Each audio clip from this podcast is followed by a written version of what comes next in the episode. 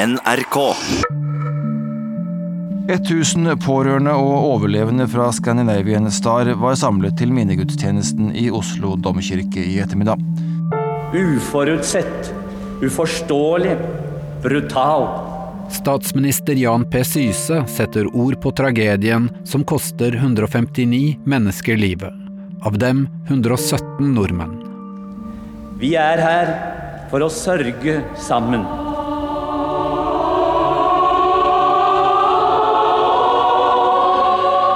Vi tenker på alt det ulevde liv som ble utslettet i ragnarokket syd for Færder. Du hører på tredje og siste del av historien om mordbrannen på Scandinavian Star.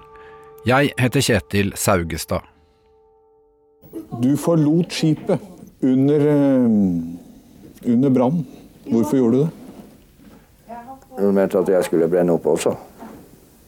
Kaptein Hugo Larsen fra Scandinavian Star får mange spørsmål. Jeg forlot vel når det, når det ikke var mer for meg å gjøre her.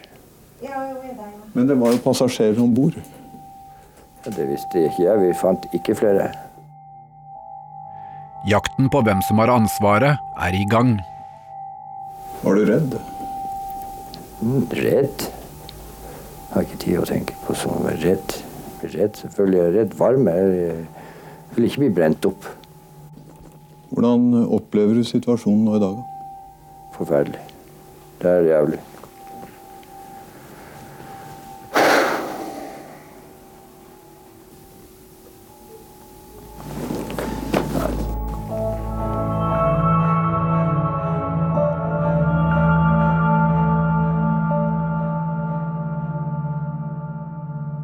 Anne Katrine Hansen er 17 år i 1990. Altså, første, de første dagene er virkelig bare en tåke. Hun innser at lillesøsteren Lene på 14 er borte for alltid. Folk møtes for å sørge. Anne Katrine husker samlingen hos friidrettsklubben på Strømmen. Alle sånne samlingsstunder som vi hadde etterpå, husker jeg var veldig godt, faktisk. Og, og, den husker jeg vel spesielt godt, for det var vel kanskje første gangen man ble samlet sånn. Eh, og der, der, fikk man jo da først og fremst snakke med, med mennesker som både hadde overlevd, og, og pårørende, og det var Om bord på skipet har røyken spredd seg enormt fort, og de fleste har dødd av forgiftning. Eh, og det var vel også første gang jeg fikk høre at, eh, at, de som døde, døde av røyk og ikke av flamme, som, som var litt vesentlig for en 17-åring å høre, fordi at man ser for seg grusomme ting i flammer. Lene og to andre idrettsungdommer omkom i brannen. De hadde lugaren ved siden av der 14 år gamle Vidar Skillingsås bodde. Og det var vel egentlig først noen dager senere, eh, på en samling på Strømmen eh, idrettsforening sitt eh, lokale, da. Hvor egentlig det gikk opp for meg at de hadde bodd i lugaren ved siden av oss. Og jeg husker en sånn voldsom skyldfølelse som slo gjennom kroppen. For at ikke jeg hadde da krabba litt lenger inn i gangen for å varsle de også om brannen. Og jeg husker kjempegodt ansiktsuttrykket hans som var eh, veldig, veldig plaget og bar veldig preg av at han hadde opplevd noe grusomt, eh, og at han også hadde masse, masse tanker rundt det. Det var veldig, veldig tydelig. Eh, så han hadde det ikke godt. Når jeg fikk, fikk den skyldfølelsen da, på, på, den samlinga på, på, Strømmen, så var jo også familiene der, bl.a. Anne Katrine. Uh, og da når jeg da brøt sammen i gråt, så husker jeg at uh, hun og ei Anna som hadde mista uh, søstera si, kom bort og, for å trøste. da. Det syns jeg var uh, veldig stort at man klarte å, å trøste i en sorgsituasjon. Under brannen krabba Vidar tilbake i røyken for å varsle. Noen måneder seinere får han en pris for sitt heltemot for livene han redda på den måten. Jeg satte veldig pris på den anerkjennelsen for, for det jeg hadde gjort, spesielt når man da drev og bearbeida skyldfølelsen. Det gikk jo noen år da, før jeg erkjenner at uh, jeg handla ut ifra de forutsetningene jeg hadde som 14-åring, og lærer å akseptere de valgene jeg tok, og prøve å leve videre. Da.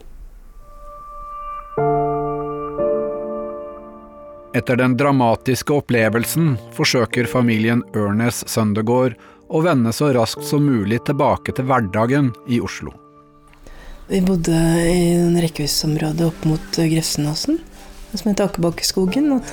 Eh, alle naboene som kom strømmende til med klær og mat og låne barneklær. ikke sant? Og folk vi kjente ellers ringte og sa at de hadde fulgt med. Og, og sånn, Så det var veldig veldig godt å komme hjem. Og det var Utpå ettermiddagen da, så var det, det var så mange som var der. Så jeg husker Line, da, som var tre og et halvt, ikke sant.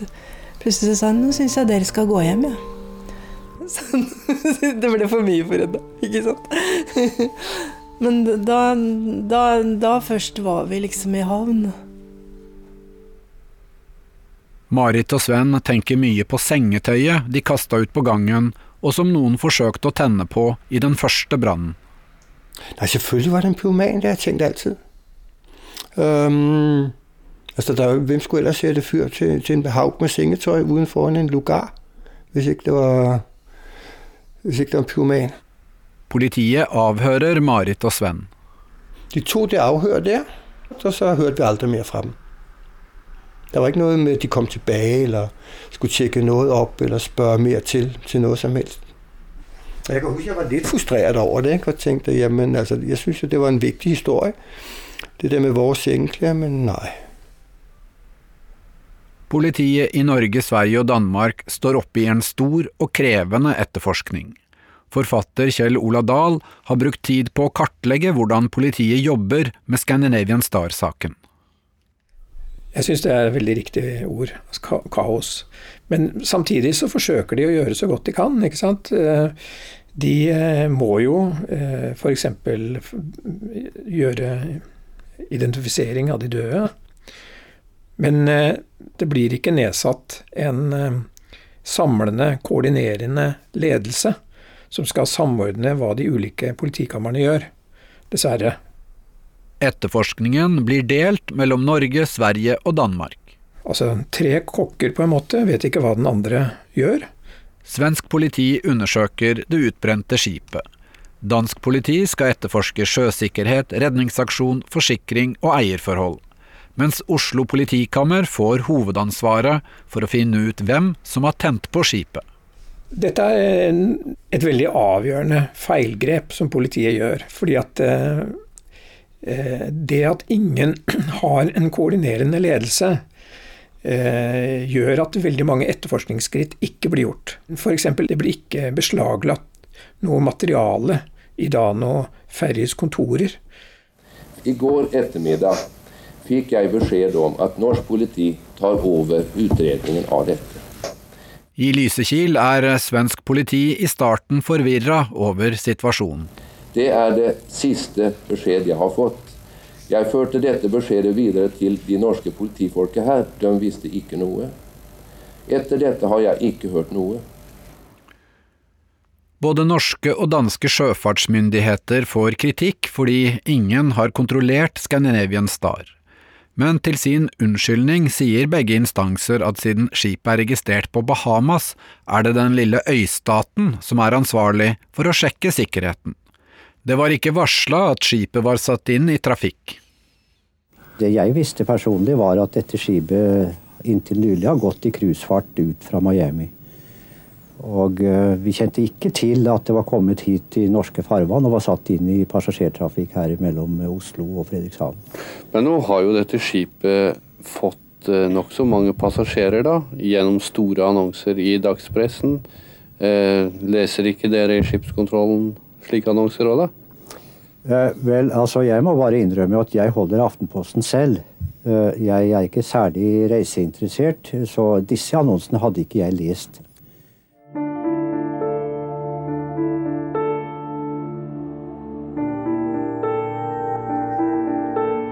Hvem som egentlig eier Scandinavian Star, blir et spørsmål det skal snakkes en del om. Men alt tidlig om morgenen etter brannen tropper den danske finansmannen Henrik Johansen opp på sin lokale politistasjon for å fortelle at det er han som er eier av skipet. NRKs korrespondent Odd Isungset er en av få journalister som får snakke med rederen, som er veldig mediesky. Plutselig tar han imot NRK på sitt kontor under den forutsetning at ingenting blir tatt opp på lydbånd. Det blir en to timer lang samtale der han gang på gang river seg i håret, rister på hovedet og sier at katastrofen er ufattelig. Gang på gang henter han fram sertifikatet på båten som viser at alt skulle være i orden og godkjent. Før skipet blir satt i trafikk over Skagerrak, har forsikringsselskapet Skuld vært om bord for å ta en kontroll. Selv om inspektøren er kritisk, velger selskapet likevel å tegne en ansvarspolise. Et par måneder tidligere har klassifiseringsselskapet Lloyds sjekket Scandinavian Star. Men heller ikke en toppkvalifikasjon hjå Lloyds er vel bra nok til å tåle framferda til en gal pyroman, sier Henrik Johansen. Plutselig vil han nærmest søke trøst hos den norske journalisten, og han spør om kapteinen på skipet også har blitt hengt ut i norske media. Rederiet Dano-linjen samler de ansatte i Oslo for å få en oversikt over situasjonen. En av dem er Anja Løkholm, som jobber på bookingkontoret. Hun var også om bord på Scandinavian Star natta skipet brant. Da treffer vi eh, direktøren for første gang. Dano-linjen har nylig fått både ny dansk eier og ny direktør, som heter Ole B. Hansen. Husker han framsto som en uh, autoritær uh, fyr. Uh, virka lovial, flink, dyktig. ville sette i gang en egen etterforskning, da. Jeg har jo Dano-linjen-hatten på som ansatt i selskapet, så jeg ønsket å hjelpe så mye jeg kunne. Media finner fort ut at direktør Ole B. Hansen tidligere er dømt for brudd på sikkerhetsreglene til sjøs med en annen ferge. Men man må vel nok uh, si at en ulykke som den her selvfølgelig gør, at både Henrik Johansen og, og jeg er i sjokk og øh, må overveie fremtiden innenfor shipping. Skjønner du at mange mennesker krever at noen går ut og sier at de har ansvaret? I første omgang vil rederiet selvfølgelig ha ansvaret for en sånn ulykke. Det som vi håper Søforklaringen viser, det er jo hvor ansvaret egentlig skal plasseres. Alt uka etter katastrofen er det sjøforklaring i København. Anja har hatt et hyggelig forhold til kaptein Hugo Larsen, som har vært lenge i rederiet. Nå må hun vitne. Og jeg forteller min historie, og jeg husker at kaptein Larsen eh, ristet på hodet. Og i ettertid så vet jeg jo at jeg svarte 100% ærlig på de spørsmålene jeg fikk. Og så håpet jeg selvfølgelig i det lengste at det ikke skadet hans eh, sak mer enn høyst nødvendig. Sjøforklaringen varer i elleve dager. 40 vitner forklarer seg om hva som har skjedd. Vi visste alle at man skulle hatt en brannøvelse eh, om bord i båten. Og det er jo kapteinens eh, ansvar på at dette her eh, utføres også. Men vi vet også at vi fikk eh, veldig strenge krav på at båten skulle i drift fortest mulig. Kaptein Hugo Larsen. Det var beskjed fra rederiet at båten skulle gå den 1. april i rute. Og vi gjorde det beste vi kunne for å få han til å gå. Teknisk sett så var det ingenting i veien for det.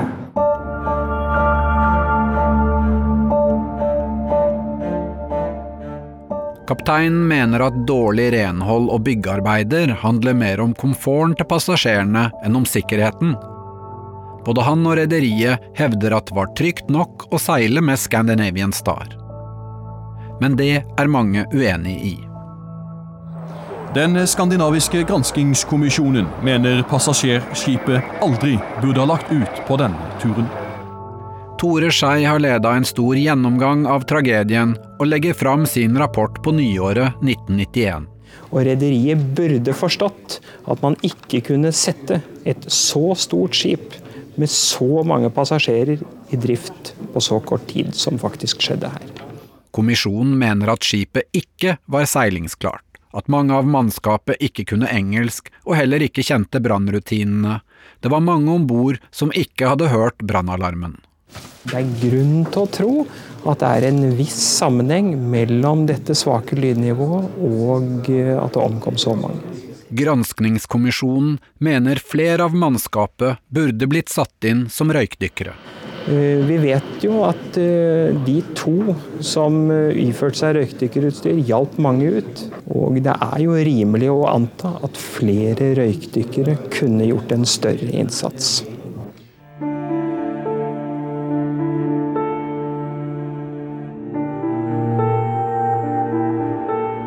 Oslo-politiet jobber med å finne ut hvem som tente på mordbrannen. Vi befinner oss nå på, i korridoren på styrbord side på bildekket og filmer helt fra akterkanten av sjølve korridoren. Når de er på befaring i den utbrente ferga, er de spesielt interessert i lugaren til en 37 år gammel dansk trailersjåfør. Jeg møtte han eh, på kontoret før eh, eh, han kjørte om bord. For jeg husker godt at han var innom kontoret vårt. Anja Løkholm fra bookingkontoret kjenner den danske trailersjåføren siden han var stamkunde på fergene mellom Oslo og Danmark. For meg så var han en dansk lastebilsjåfør som hadde reist med oss flere ganger tidligere. Var ofte innom kontoret vårt og slo av en prat når vi skulle skrive bilmanifestet og finner lugar til han. Og han eh, smilte og lo, men samtidig var en eh, litt spesiell fyr. Eh. Kvelden Scandinavian Star brenner, er Anja om bord som passasjer. Hun treffer på dansken i nattklubben. Så jeg kjente han igjen når jeg da kom i baren, for da satt han i, i baren. Dansken er litt på sjekkeren, men det tar ikke Anja så veldig alvorlig. Hvor jeg står da i kø for å kjøpe en, en drink, og da spør han om ja, vil du være med og se på lugaren min? Og da sier jeg selvfølgelig nei. Vi hadde bare en, en morsom tone eh, hvor han skrøt av sin eh, hva vannseng, eh, og lurte på om, om ikke jeg ville være med ned dit. Så det var egentlig ikke seriøst ment, men det var eh, mer en sånn sjangong som var på kontoret når lastebilsjåfører eh, var sammen. Den danske trailersjåføren er dømt fem ganger for brannstiftelse. Tre ganger tidligere har han tent på hus og gått og lagt seg til å sove samme sted. Det har skjedd etter han har drukket og blitt avvist av kvinner. Den danske pyromanen dør på lugaren sin under brannen på Scandinavian Star. Forfatter Kjell Ola Dahl mener politiet låser seg for mye til at han var gjerningsmannen. Det er helt åpenbart. Altså det, de gikk inn for han som skyldig. Så, men om hva etterforskningen hadde fått vist til, hvis, hvis han kunne svare på spørsmålet og var i live, det er umulig å si. Enka etter trailersjåføren får besøk av dansk politi to dager etter brannen. De vil ha detaljer i forbindelse med identifiseringen. Da forteller hun dem at 37-åringen er dømt som brannstifter fem ganger. Hun sier at han var i godt humør da han ringte henne før avreise fra Oslo havn. Jeg talte kun kort med ham det aften i forveien, men han var glad. Så mer vet jeg ikke.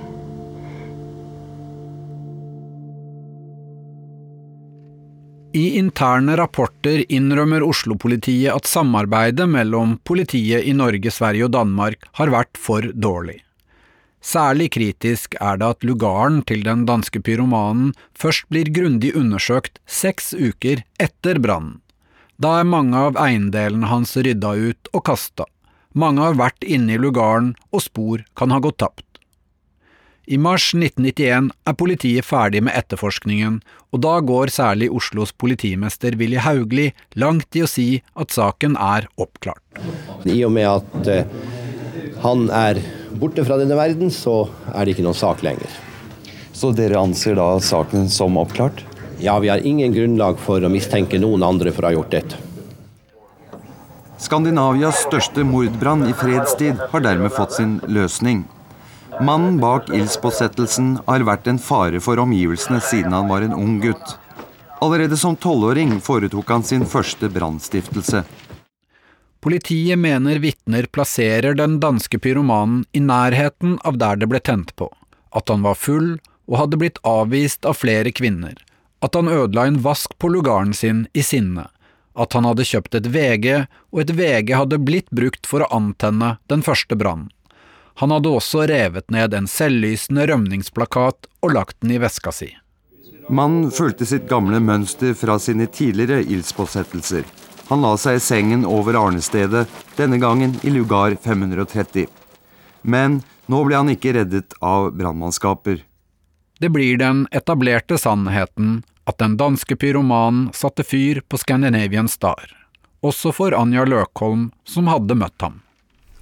Der og da så hørtes det ut som en, en logisk forklaring. Eh, Eks-pyroman eh, slått til igjen. Samtidig så kunne jeg ikke forstå at det skulle stemme, for han var jo i så godt humør. Eh, jeg vil heller se for meg at kanskje en som skal brenne opp skipet, ikke er i så godt humør, eller på en litt mørkere side da.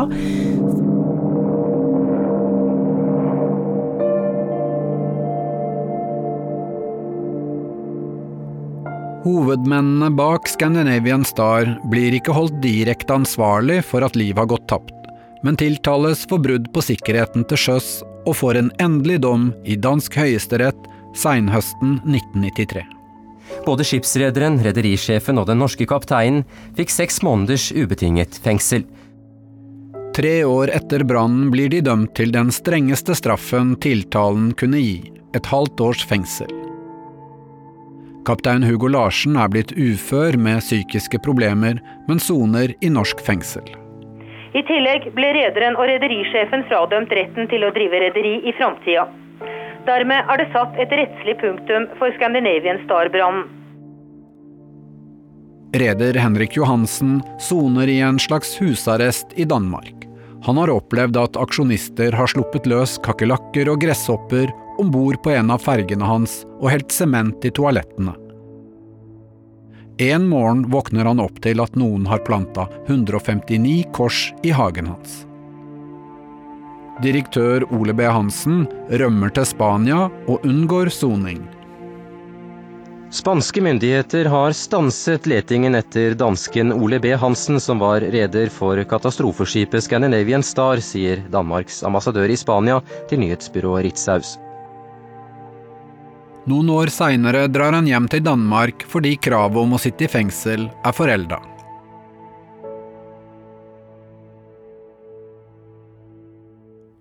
Allerede den første uka etter tragedien i 1990 samler overlevende og etterlatte seg i støttegrupper i Danmark og Norge. Mange av de pårørende var jo veldig opptatt av å få vite om hvordan forholdene var på, på båten, og prøve å danne seg et bilde av hvordan deres kjære hadde hatt det før de omkom i, i brannen. Vidar Skillingsås går med i den norske gruppa. Selv om han er en ung tenåring, blir han ganske snart en del av styret. Eh, og i tillegg da til et eh, At støttegruppen skulle bli et organ for å følge opp sikkerhet til sjøs. Det var jo mye av det fokuset vi hadde i starten. Det går ikke lang tid før støttegruppa og forsikringsselskapet Skuld forhandler fram forslag om erstatninger som ligger høyere enn det som er vanlig i Norden. Når det gjelder størrelsen på beløpene, så, så ser det veldig positivt ut. Overlevende og etterlatte godtar erstatningen, men sier dermed også fra seg retten til å gå til sak i USA, der utbetalingene kunne blitt høyere. På papiret er nemlig Scandinavian Star eid av rederiet Sea Escape i Miami. Eierskapet er ikke blitt overført til Henrik Johansen, og han har heller ikke betalt. men myndighetene mener det viktigste er at Dano-linjen har overtatt skipet, og har ansvaret for at det er satt i trafikk. Riksadvokaten i Norge har nylig mottatt en klage fra en privat etterforskningsgruppe som krever etterforskningen gjenopptatt. Gruppen har også funnet et eventuelt økonomisk motiv for brannstiftelsen. Engasjerte privatpersoner og undersøkende journalister begynner å samle nye beviser, og har innvendinger til etterforskningen som er blitt gjort. Det går noen år, og så husker jeg at eh, det er noen som henvender seg til eh, styret om at de mener at det politiet har konkludert med, ikke stemmer. Jeg syns det var hørtes rart ut, da, for man hadde veldig tillit til norsk politi, og at eh, de hadde gjort en god jobb, slik at jeg klarte ikke helt å ta innover meg at det eh, stemmer, da, at det er andre faktorer som ligger bak eh, sjølve brannen. Noen personer samler seg i stiftelsen Etterforskning av mordbrannen Scandinavian Star. Det kommer etter hvert kritiske artikler, bøker og TV-dokumentarer. Dødsbrannen på Scandinavian Star ble delvis rekonstruert ved Sintefs branntekniske laboratorium på Tiller utenfor Trondheim. Politiet og branneksperter har mest fokusert på den første halvannen timen av brannforløpet. Uskadd materiale fra båten ble tent på under samme forhold som brannnatta. Etter få minutter var korridoren overtent. Det er enighet om at dødsbrannen oppstår ved at noen tenner på avfall i en ubebodd korridor som er under oppussing, ca. et kvarter etter den første brannen. Forskerne ble så overraska at de måtte flytte kamera. De hadde ikke trodd brannen skulle bli så voldsom.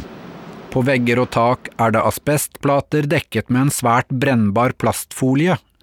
Forfatter Kjell Ola Dahl. De aller fleste dør i løpet av et kvarter. Det Sintef eh, fullskalaforsøk viser, er at eh, flammene brenner med en utrolig intensitet. De avgir blåsyregass og kullås, som er dødelig.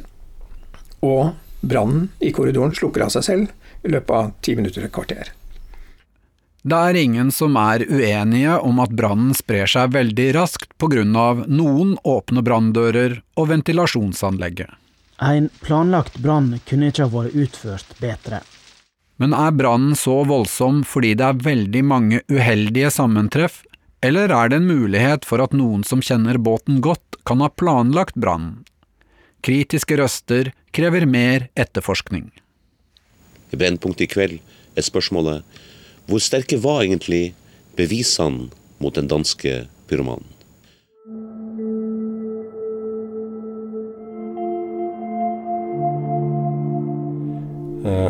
Det blir egentlig en sånn økende bevissthet fra min side at uh, man har nok ikke snudd hver eneste stein i, i saken. Uh, og er det virkelig rett person som er pekt ut som uh, brannstifter? Vidar Skillingsås er ikke den eneste som blir mer i tvil. Flere vitner står fram og mener politiet har feiltolka det de har fortalt. Og da kjente jeg på det at hvis den danske lastebilsjåføren ikke hadde gjort det, så fortjente han å bli renvaska, og ikke spesielt med tanke på familien hans, som hadde sittet med det de har kalt skammen etter de beskyldningene. Da. Et vesentlig spørsmål er om det bare var én hovedbrann. Norges branntekniske laboratorium Sintef mener at brannen sprer seg naturlig, at det er logisk at den blusser opp forskjellige steder og varer så lenge som 38 timer. Kritikere mener at flere branner må ha vært påtent seinere, og at det ikke er mulig at det kunne brenne så voldsomt så lenge. Et hydraulikkrør blir helt sentralt i diskusjonene. Svante Svante fra Brynäs kom. Kan du fråga Stena Saga om vi kan öppna portarna akterut, om det är lämpligt? Kom. Ved halv ti-tida morgenen etter brannnatta fungerer hydraulikksystemet. Da vil brannleder Ingvar Brynfors åpne akterluka på skipet. Du, Du kan åpne akterporten men da bør du være jævlig sikker på at du kan stenge den igjen ved behov om det skulle blåse opp eller sånn. At hydraulikken virkelig fungerer. Hydraulikksystemet er et lukka system med høyt oljetrykk som brukes for å senke bildekket og akterporten. Et av rørene ligger i taket i en korridor der det herjer en voldsom brann et halvt døgn etter at hovedbrannen starter. I etterkant ser alle at røret er bøyd ut på en rar måte. Spørsmålet er når det skjer. Granskningskommisjonen mener i 2017 at bruddet har skjedd etter at brannen er slukka, og at røret i tillegg ble bøyd ut flere dager seinere i forbindelse med en reparasjon. Andre mener røret kan ha blitt brukket løs før brannen i korridoren, at noen kan ha pumpet drivstoff gjennom røret for at skipet skulle brenne mest mulig ut. Brannleder Ingvar Brynfors er en av dem som mistenker sabotasje. For meg ser det som at jeg har vært utsatt for en mekanisk påvirkning. Vidar Skillingsås og mange andre vet ikke helt hva de skal tro.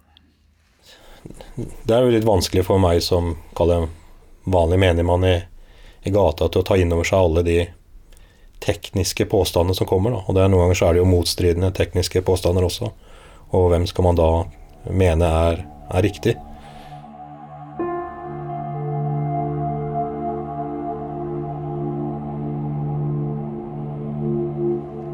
Etter brannen i 1990 ligger Scandinavian Star helt utbrent ved kai i flere år, før skipet blir solgt på tvangsauksjon og satt i stand igjen. Jeg husker at det var veldig sånn spesielt gjensyn. Selv om de hadde pussa opp og gjort en del endringer på det ytre, så kjente jeg jo igjen selve båten.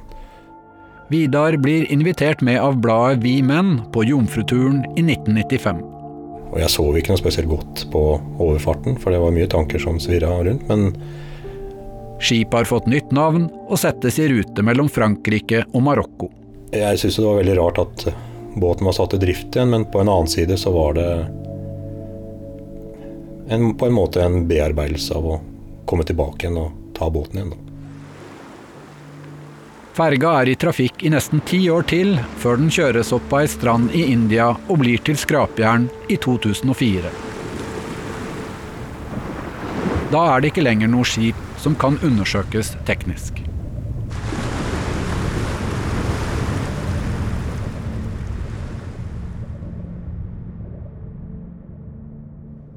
Et annet tema som diskuteres mye og høylytt, er penger og mulig forsikringssvindel.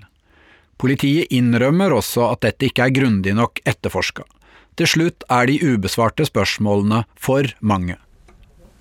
Og vi ser jo at uh, denne saken lever og plager uh, veldig mange. Den norske riksadvokaten Tor Aksel Busch åpner opp for en ny norsk politietterforskning i 2014. Og et forsøk på å bidra til at man får noe mer avklaring av et faktum som alle kan godta, det er i og for seg det som bærer vår avgjørelse denne gangen. Hvilke svar skjuler seg her? I dokumenter tilsvarende 150 ringpermer. Siden i fjor sommer har tolv etterforskere jobbet for å finne ut om Scandinavian Star ble stukket i brann fordi noen ville tjene på det.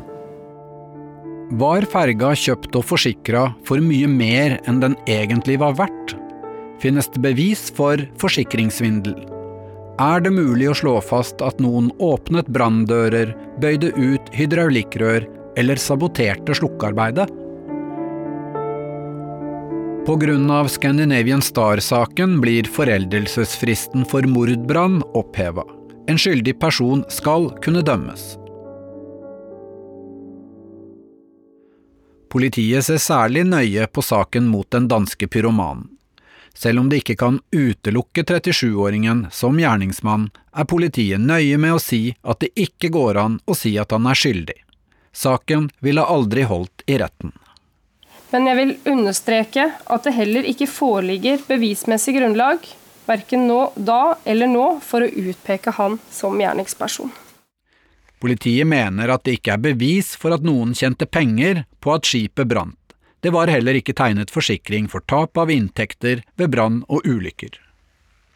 En må anta at dersom man hadde et forsikringsbedrageri som motiv, så ville man ha tegnet ekstra forsikringer som ville sikre en høyere utbetaling.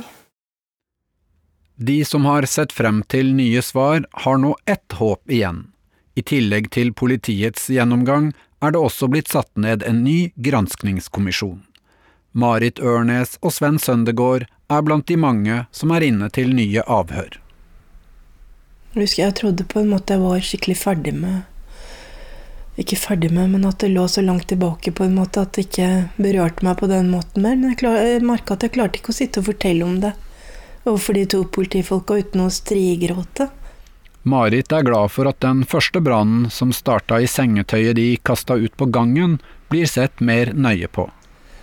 For de hadde funnet noen fingeravtrykk på noen plastikkpose, og de hadde funnet et VG og sånt, om det kunne være vårt, som også var blitt brukt i den brannhaugen.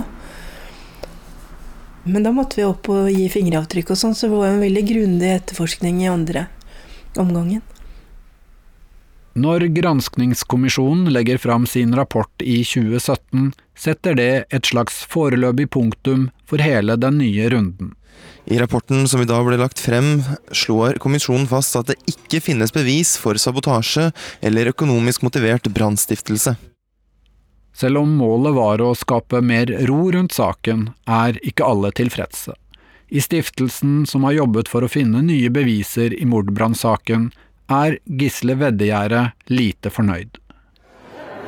Man dekker over faktum, man dekker over skandalene fordi at det, sannheten blir så voldsom for denne nasjonen å bære. For de feilene som har blitt gått, er så gigantiske.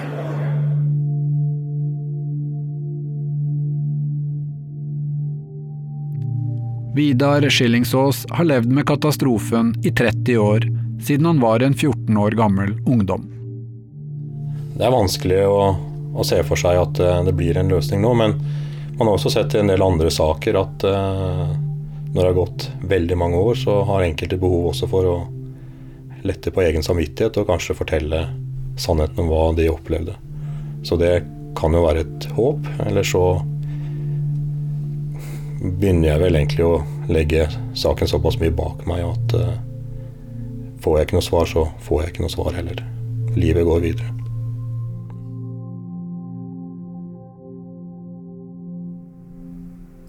Jeg tenker oftere på søsteren min enn jeg tenker på Scandinavian Star. For Anne Katrine Hansen har tapet av søsteren Lene preget livet på mange vis. Et av dem er at hun er opptatt av brannsikkerhet de, de, første rutinene kom vel ganske raskt, og det er dette her med at overalt hvor jeg er, så sjekker jeg hvor uh, nødutganger er. Det startet med en gang. Uh, de første årene hadde jeg også med meg en sånn bærbar uh, brannalarm overalt hvor jeg var på ferie. Den er en liten, firkantet sak som ser ut som en mobiltelefon, egentlig. Som, som går på batteri, og som du bare skrur på når du har kommet på hotellrommet eller der du skal være. Og så er du sikker på at den virker. Marit Ørnes synes at de tross alt kom bra fra hele opplevelsen, og tenker på noe en krisepsykiater fortalte henne. Han sa at de som kommer best fra ulykker, det er faktisk foreldre som hele tiden har barna sine i fokus, og små barn som har øyekontakt med foreldrene sine. For de legger all energien sin inn i å inn i på en måte å ta vare på hverandre, og den tryggheten som er i, i det. At de tar ikke inn angsten. Altså den derre som man kunne gjort hvis man var helt alene. Altså sånn ikke hadde noen å konsentrere seg om. Og det tror jeg er kjemperiktig. Det tror jeg liksom er veldig mye av grunnen til at vi kom oss såpass fort til, til hektene igjen. Sven Søndegård synes fokus burde være mest på at skipet var i elendig stand, og med et utrent mannskap. Sven mistet tilliten til systemet, til samfunnet, til at noen har ansvar og tar ansvar for at ting fungerer.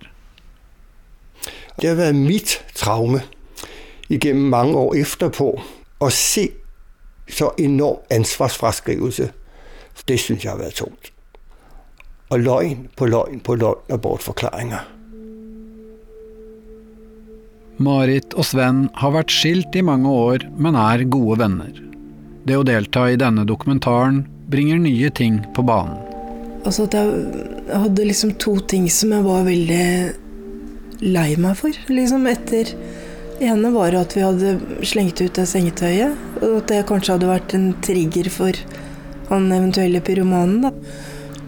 Guri, vi skulle ikke gjort det. Det liksom det var vår skyld at han, at han så den haugen med sengetøy og tente på det.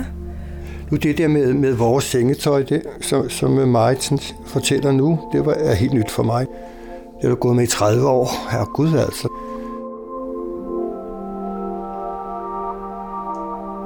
Den andre tingen som jeg husker at jeg syntes var fælt at jeg ikke hadde tenkt på, det var da vi løp gjennom korridorene. At vi ikke hadde dundra på alle dørene bortover og sånn. For det, det, gjorde vi ikke heller. For det var jo flere som brant inne på den gangen vår òg, så vidt jeg vet. Var det ikke det? Nei. Er du sikker? Ja. ja. Jeg har aldri, aldri klart å få klarhet i de tingene, altså. Rett og slett.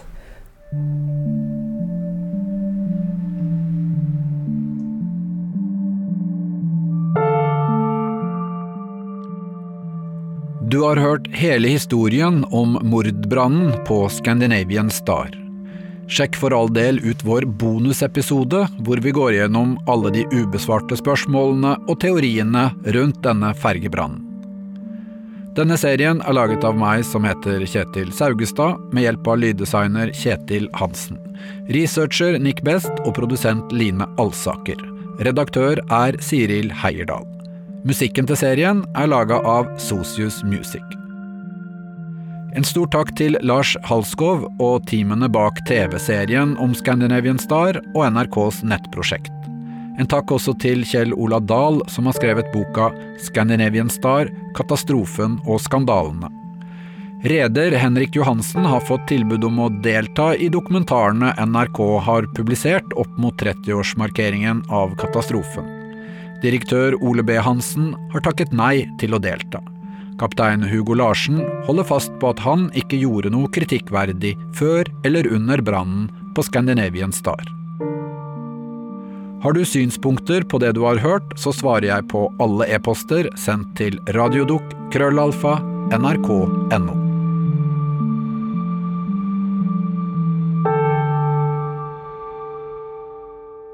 NRK.